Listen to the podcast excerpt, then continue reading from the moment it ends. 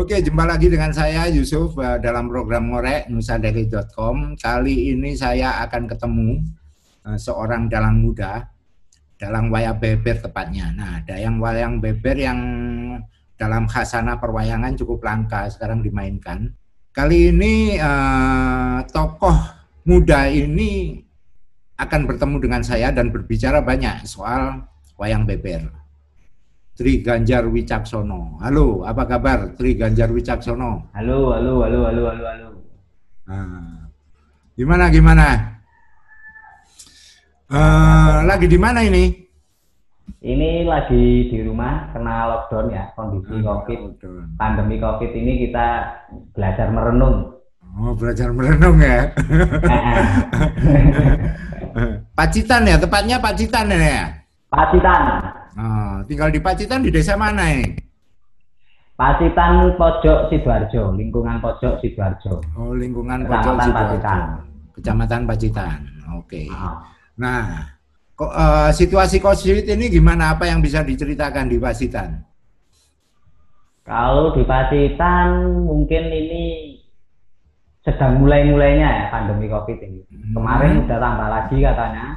Kalau hmm. untuk aktivitas kesenian untuk sementara hmm. kita down dulu yang hmm. jelas seniman-seniman di sini pasti kreatif lah mereka oh, punya kegiatan masing-masing tetap hmm. hubungannya dengan seni bisa lewat les macam-macam hmm. kalau saya pribadi saya sendiri bikin wayang mas oh gitu wayang oh.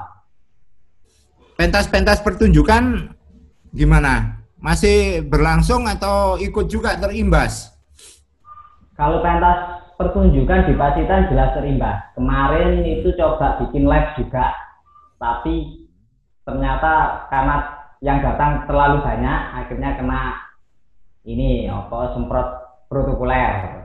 Oh gitu. Jadi akhirnya ini agak hmm. dipending dulu. Oh gitu ya. Jadi ya. boleh dikata eh, kegiatan-kegiatan yang sifatnya off air ini masih dihentikan ya di Pacitan ya? Iya, ya, ya. Oke. Okay. Oke, ngomong COVID juga nggak ada habisnya. Terdampak itu pasti, hmm. gitu kan? Hmm. Nah, hmm. sekarang eh, bagaimana dunia kreatif ini harus terus berlangsung. Nah, bisa diceritakan ini. Kira-kira eh, aku korek dulu perjalanan menekuni dunia pewayangan wayang beber ini seperti apa yang bisa diceritakan? Kalau saya itu kenal wayang beber tahun 2000 itu kenal sama salah satu pelukis kaca namanya Bu Ning. Hermin Nistianingsih itu di Solo. Karena ceritanya Panji lama-lama saya tertarik dengan itu. Karena background saya topeng Malang itu ceritanya juga Panji. Sebenarnya saya tertariknya di Panjinya ya di wayang beber itu. Begitu saya lihat Buning, saya ketemu Buning, ngobrol, ngobrol, ngobrol, saya disuruh dalam di acara pamerannya Buning, pameran tunggal waktu itu di Hotel Sahid hmm. Hotel Sahid uh, ya Hotel Sahid di Solo. Nah banyak yang ngomong wah ini kok bagus ini dalamnya gini gini gini, ya saya semakin dalam. Juga ada yang ini yang apa istilahnya kritik karena banyak cerita yang saya ceritakan di wayang bebernya bumi itu lepas lepas dari pakemnya kan hmm. dari situ saya belajar pakemnya wayang beber ke Pak saya ketemu sama almarhum Pak Mardi. Pak Mardi itu dalang wayang beber yang ke 13. Jadi wayang beber itu tradisi pewarisan. Jadi mbahnya Pak Mardi itu juga dalang, bapaknya juga dalang, sampai leluhurnya. Mulai dari Nolong Dermo sampai terakhir itu Pak Mardi itu. Oh gitu. Nah, kenapa Pacitan? Apa memang asalnya dari sana atau gimana? Uh, wayang beber satu-satunya untuk saat satu-satunya itu di Pacitan. Wayang beber hmm. yang asli, maksud saya yang umurnya udah tua ya, hmm. itu di Pacitan. Karena hmm. Pacitan sama Wonosari yang baru banyak, tapi untuk saat ini itu mas di Pacitan yang masih dipertunjukkan, dipentaskan maksudnya. Di Bali juga ada wayang beber, tapi nggak dipentaskan seperti Pacitan. Jadi Pacitan itu wayang beber era Mataram zaman Mataram. Nah, bentuk artefaknya seperti apa? Kira-kira berapa tahun umurnya itu? Ya, kalau di Condro Sengkolo itu Memet Rabi Jinamah ing wong itu bisa dilihat sekitar tahun 16-an 16 91 Oh, 16 jadi 91 16 mungkin berapa abad ya? ya, Tiga. abad 17 ya. Tiga. Berarti kalau di Mbak, sekarang Oh, oh. Hah? Iya kan abad 18 17-an. Mas. era Mataram. 18-an, era Mataraman ya. Oke. Hmm. Itu masih utuh atau gimana itu? Kalau kondisinya sekarang memprihatinkan. Hmm. Itu makanya saya pilih sama teman-teman Pacitan kita bikin gerakan wayang beber itu itu untuk Hmm. nyoba ngorok-ngorok lagi bahwa Hmm. di Pacitan itu ada candi, ada artefaknya yang harus diselamatkan. Kalau kondisinya ya memperhatinkan Hmm. karena bahannya dari kertas dan umurnya udah sekian abad. Oke. Jadi wayang beber itu kan wayang beber Pacitan itu kan menceritakan Jawa Kembang Kuning. Panji menjadi Hmm. Jawa Kembang Kuning. Itu sebenarnya untuk penghormatan sama Majareli. Hmm. Jadi itu nanti ada hubungannya sama Deger Pecina. Hmm, gitu. Ya bisa dihitung aja umurnya berapa tahun itu. Hmm. Oke. Ya, kalau Ya. kepedulian pem- pemerintah ya rada kurang sebenarnya. Ah, Oke, makanya makanya seperti ah, anda-anda inilah yang harus peduli gitu ya. Makanya ini, menarik ini dalang muda menekuni sesuatu yang langka. Nah, yang membuat anda tertarik dengan itu selain narasi cerita Panji, apa sebenarnya ah, sisi lain dari wayang beber yang bisa diceritain? Yang menarik di, di wayang beber itu ada istilah tetes. Tetes dalam perdalangan itu tetes itu jantur. Jantur itu dalam menceritakan, Hmm. mendeskripsikan gambar itu tadi. Jadi ga- wayang beber itu kan gambar wayang yang diceritakan. Kalau wayang kulit, saya jelek di suluk, suara bercerita saya bisa tutup pakai sabet gerakan wayang itu. Hmm. Kalau wayang beber enggak. Wayang beber itu sifatnya ini, apa wayangnya stuck. Mandek. statis ya. Hmm. Ya, statis. Hmm. Jadi dalang dipacu harus pinter ini, pinter ngomong, pinter ngoceh. Hmm. Bangun imajinasi penonton itu yang menarik menurut saya. Seperti baca relief. Oke. Hmm. Jadi eh, ibaratnya seperti baca relief ya. Jadi kemampuan seorang Ah. dalang harus memba- membangun dramaturgi di dalam Ya. konteks narasi cerita itu ya. Hmm. Gitu. Oke. Eh, pendalaman Anda mengenai membangun narasi dramaturgi di dalam konteks perdalangan wayang beber ini seperti apa? Mungkin eh, pengalaman-pengalaman yang bisa diceritakan. Loh, kalau ngomong dramaturgi wayang kan saya sudah kenal dari wayang topeng. Wayang topeng Malang itu kan juga ada. Hmm. Wayang topeng sama wayang kulit. Basic saya sebenarnya di wayang kulit. Hmm. Jadi ketika masuk ke wayang beber itu ya agak ada tantangan tersendiri mas. Hmm. Oke. Karena bangun itu tadi, bangun pertunjukan yang statis itu tadi, gimana caranya menjadi menarik gitu. Hmm. Oke. Nah, gimana cara menariknya itu? Ah gini, dari perjalanan waktu, lama kelamaan saya nonton wayang beber yang klasik itu. Setelah Pak Mardi almarhum yang meninggal itu, saya nonton mulai dulu. Saya sendiri nonton dulu. Terus saya nyoba bikin cerita baru. Ceritanya kekinian, karena mau tidak mau, setiap hari yang saya tonton, background saya yang saya tonton itu kan perkotaan, anak-anak muda, dan nggak ada istilah keraton, raja, pape itu kan nggak ada. Saya coba bikin wayang beber ceritanya soal kritik-kritik sosial. Ternyata itu lebih bisa dipahami anak muda sekarang karena target saya kalau boleh jujur kalau ngomong wayang itu anak muda. Kalau orang tua-tua jelas pasti tahu wayang. Kalau anak muda generasi yang berikut-berikut itu kan juga harus dipikirkan. Hmm. Karena ya wayang lewat wayang itu kita bisa mengenalkan nilai-nilai kembali yang mulai kita lupa. Nilai-nilai yang katanya tinggalan leluhur itu tadi. Oke. Oke, artinya Anda tidak berhenti di dalam konteks eh, memainkan wayang versi lama ya dalam tanda kutip, tapi justru melakukan eksplorasi uh, terhadap wayang beber itu dalam bentuk kekinian. Nah, seperti apa itu? Dan juga dan juga gini Mas, neng wayang beber yang klasik itu kalau bukan keturunan dalang itu nggak boleh. Mentas oh, gitu. itu nggak boleh. Hmm. Hmm. Jadi alasannya bikin wayang beber baru itu alasannya hmm. itu. Oh gitu. Hmm. Jadi harus harus keturunan yang memang leluhur diwariskan ya turun temurun ya. itu. Uh -uh. Saat orang uh -uh. lain mau mendekati itu ada syarat-syarat tertentu atau apa? Mendekati maksudnya pengen nonton? Pengen main, pengen memainkan sebagai seorang dalang yang di luar garis keturunan. Wah itu nggak bisa karena itu nggak bisa. Di hmm. di Nondorojo sendiri kalau ngomong wayang beber itu namanya wayang leluhur. Oh gitu. Uh, okay. Jadi sakral banget neng kono Hmm. Kalau mau nyoba-nyoba kayak gitu wah khawatirnya kita juga kurang bijak. Lebih baik bikin main beber baru aja. Ngapain oh. repot-repot? Oh, gitu ya. Itu sah-sah aja itu ya. Gitu. Oke. Okay. Eksplorasi uh, Mas Ganjar gimana ini? Yang bisa diceritakan dalam melakukan eksplorasi dalam bentuk wayang beber barunya ini? Wayang beber baru saya misalnya musik Hmm. musik iringan kita udah nggak pakai lagi gamelan bisa juga pakai gamelan tapi kita explore kita hmm. kembangkan lagi kita hmm. yang jelas kalau pentas saya sama teman-teman itu pakai keroncong iringannya oh, musik gitu. keroncong hmm. Hmm.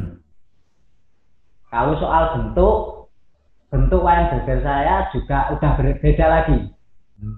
kalau wayang beber yang pasitan itu ada stalisasi hmm jadi dekoratif stylish saya lebih ke, suka sama bentuk-bentuk Bali. Jadi wayang bebernya lebih natural. Oh gitu. Ada contohnya yang bisa disampaikan? Nah, seperti apa itu? Oh ada ada ada, ada ini. Hmm. Ini wayang beber proses hmm. beberapa. Jadi istilah wayang beber itu satu gulung, satu uh -huh. satu adegan itu namanya satu jagung. Hmm, satu jagung ya. Yang, uh, yang klasik itu ada 24 jagung. Jagung yang terakhir itu nggak boleh dibuka. Hmm, jadi satu kali satu pertunjukan ada berapa jagung? Kalau satu kali pertunjukan, kalau yang saya itu cukup tiga ini aja, tiga jagung aja udah cukup. Oh gitu. Oke. Okay. Karena fokusnya lumayan lama sih kalau ah. ini. Nah, kayak gini. Oke. Bentuk-bentuknya. Hmm. Oke, menarik ini, menarik, menarik. Oke.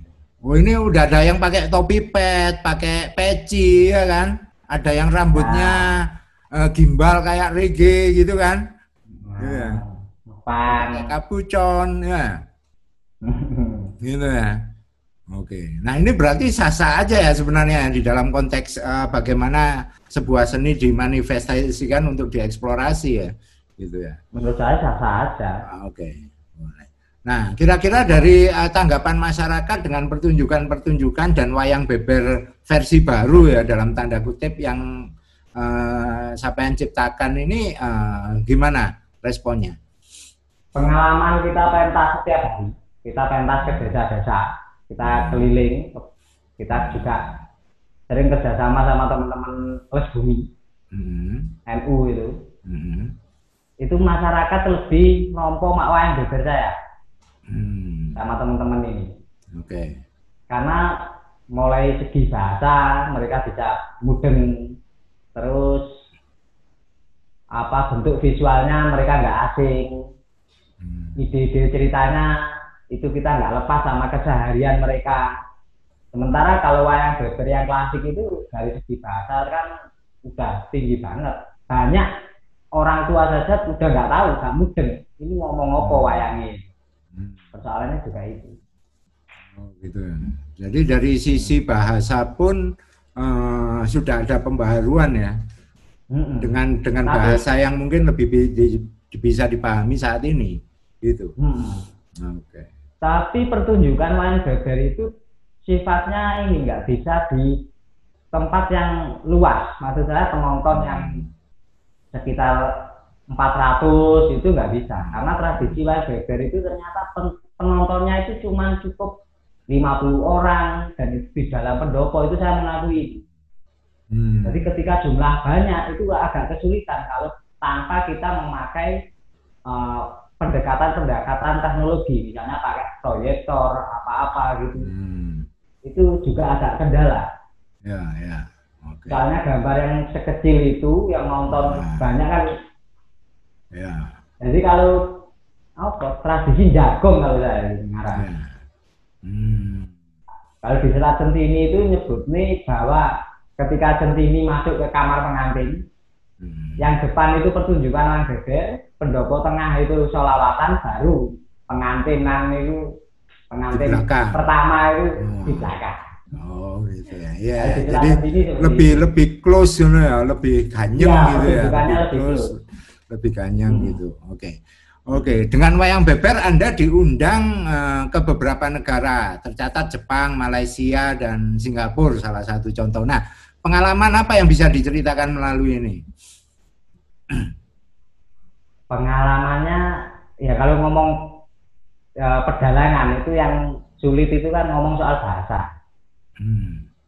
Oke. Okay. Itu jadi pengalaman yang berat ya saya harus belajar bahasa asing apa hmm. satu-satunya jalan kan gitu tapi dengan jangka waktu yang instan kan sangat nggak mungkin akhirnya dikasih apa seperti narator itu tulisan dibagi terus saya cerita hmm. uh, saya pikir banyak waktu di Jepang waktu di Jepang itu yang menarik banyak yang tanya banyak yang hmm. ngobrol waktu itu banyak yang karena di Jepang dulu juga ada pertunjukan seperti ini, seperti ini.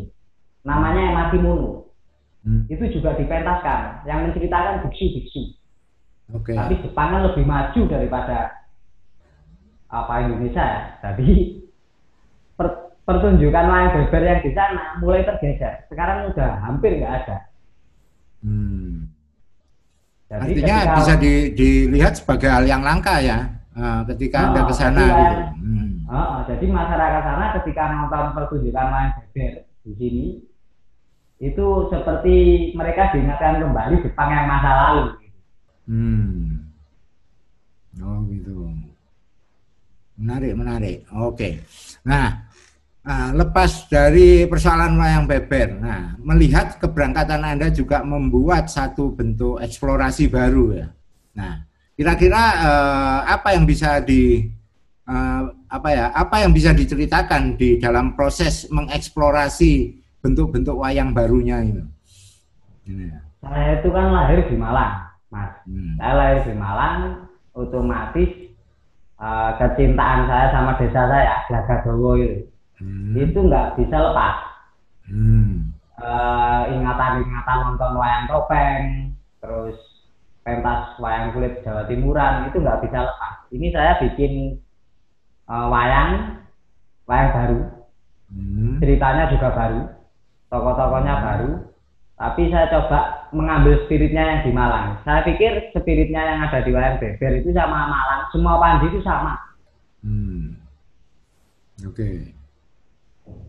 Kalau namanya wayangnya saya belum tahu saya belum hmm. tahu tapi dasar-dasar bentuknya diambil dari situ ya dari wayang beber sama topeng dari wayang beber wayang topeng Kombinasinya seperti apa?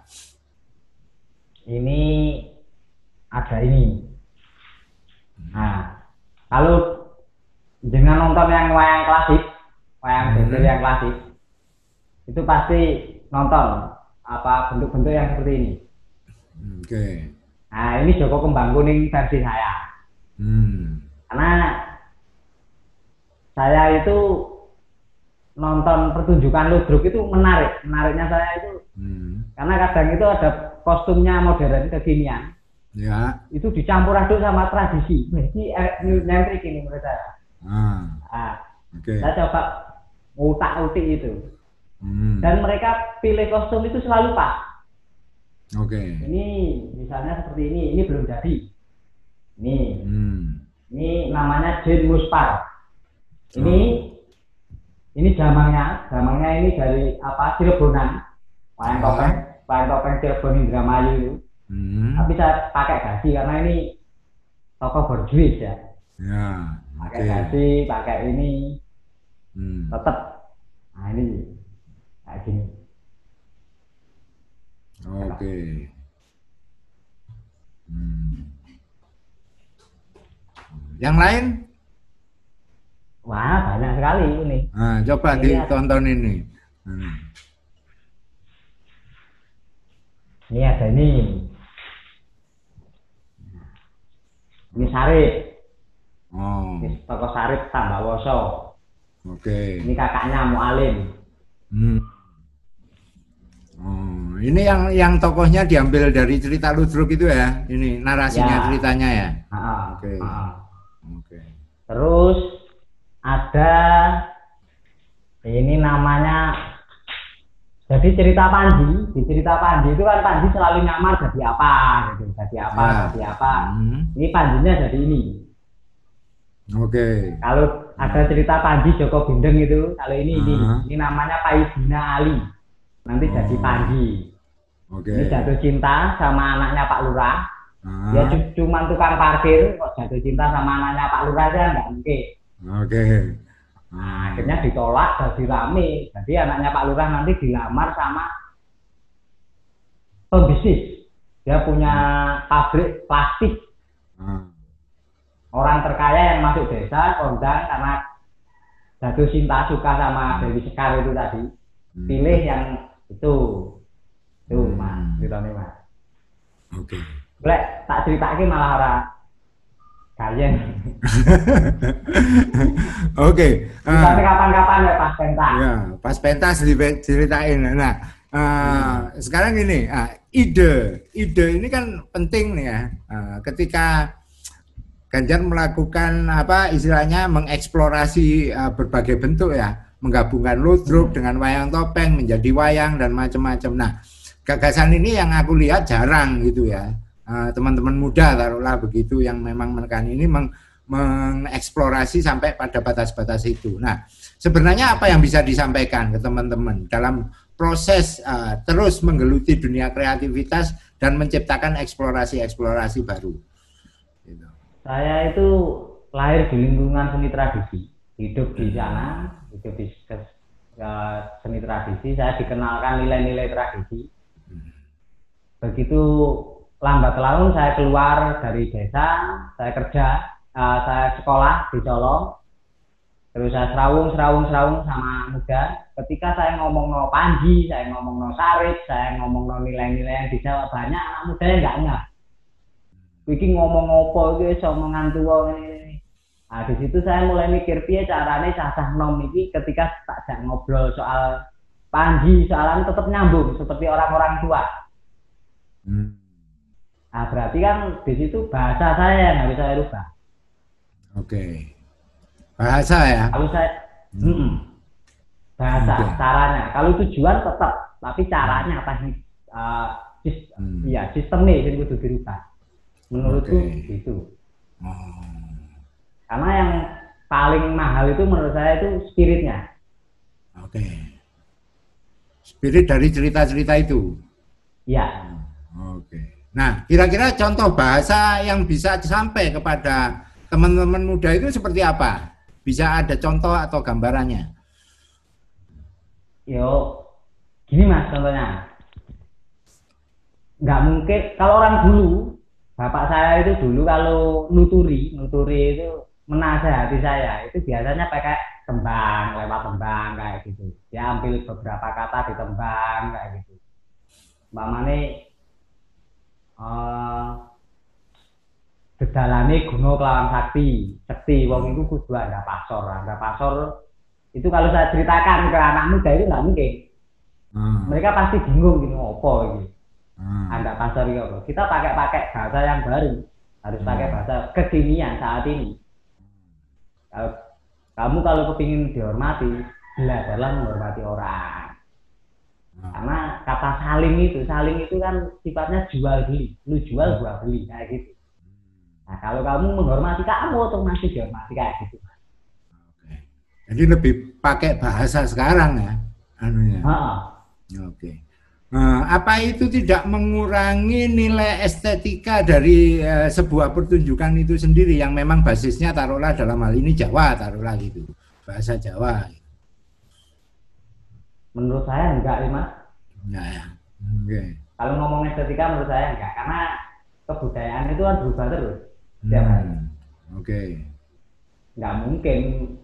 Lah kalau nonton wayang yang sekarang aja, nonton yang orang banyak ngomong itu wayang klasik, wayang tradisi sebenarnya kalau ngomong dibaliknya kepakem, bener-bener kepakem, itu udah nggak ada yang pakem kok. Oke.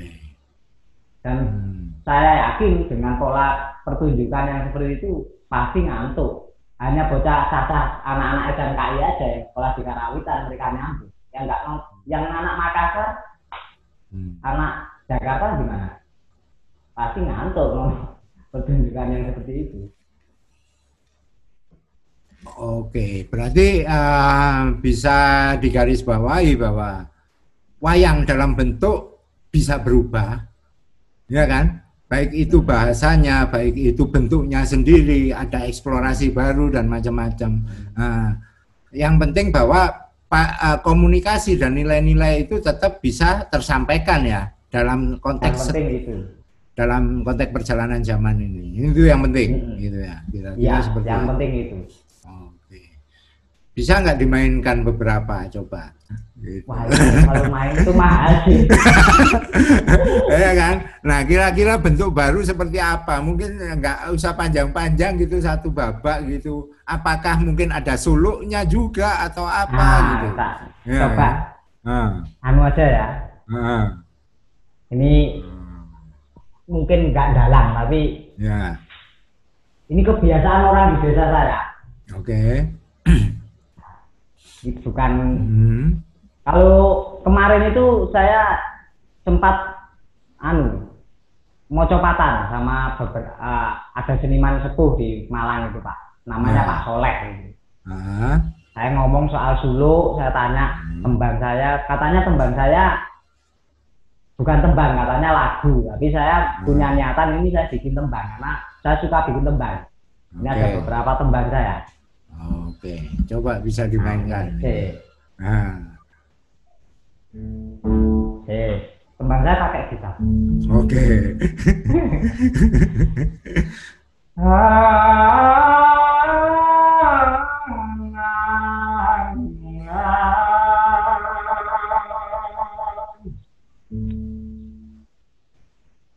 Nalikane iku Raden Panji Asmoro Bani.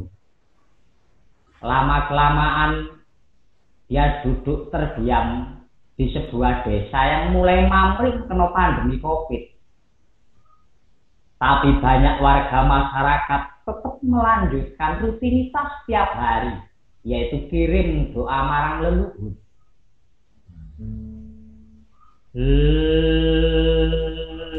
Maya sore Waya sore raden kanji nonton. Wargane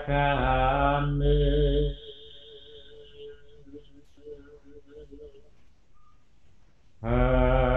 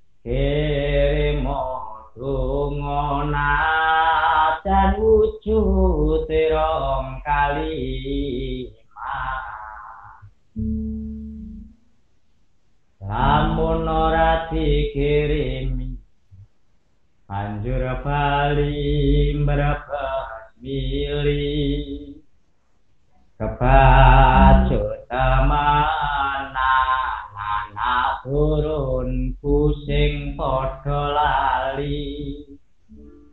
Lali banyu kan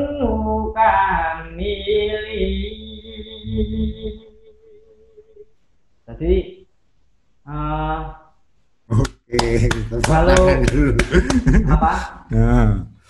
Di tempat saya itu kalau Kemis malam Jumat, Jumat Ah.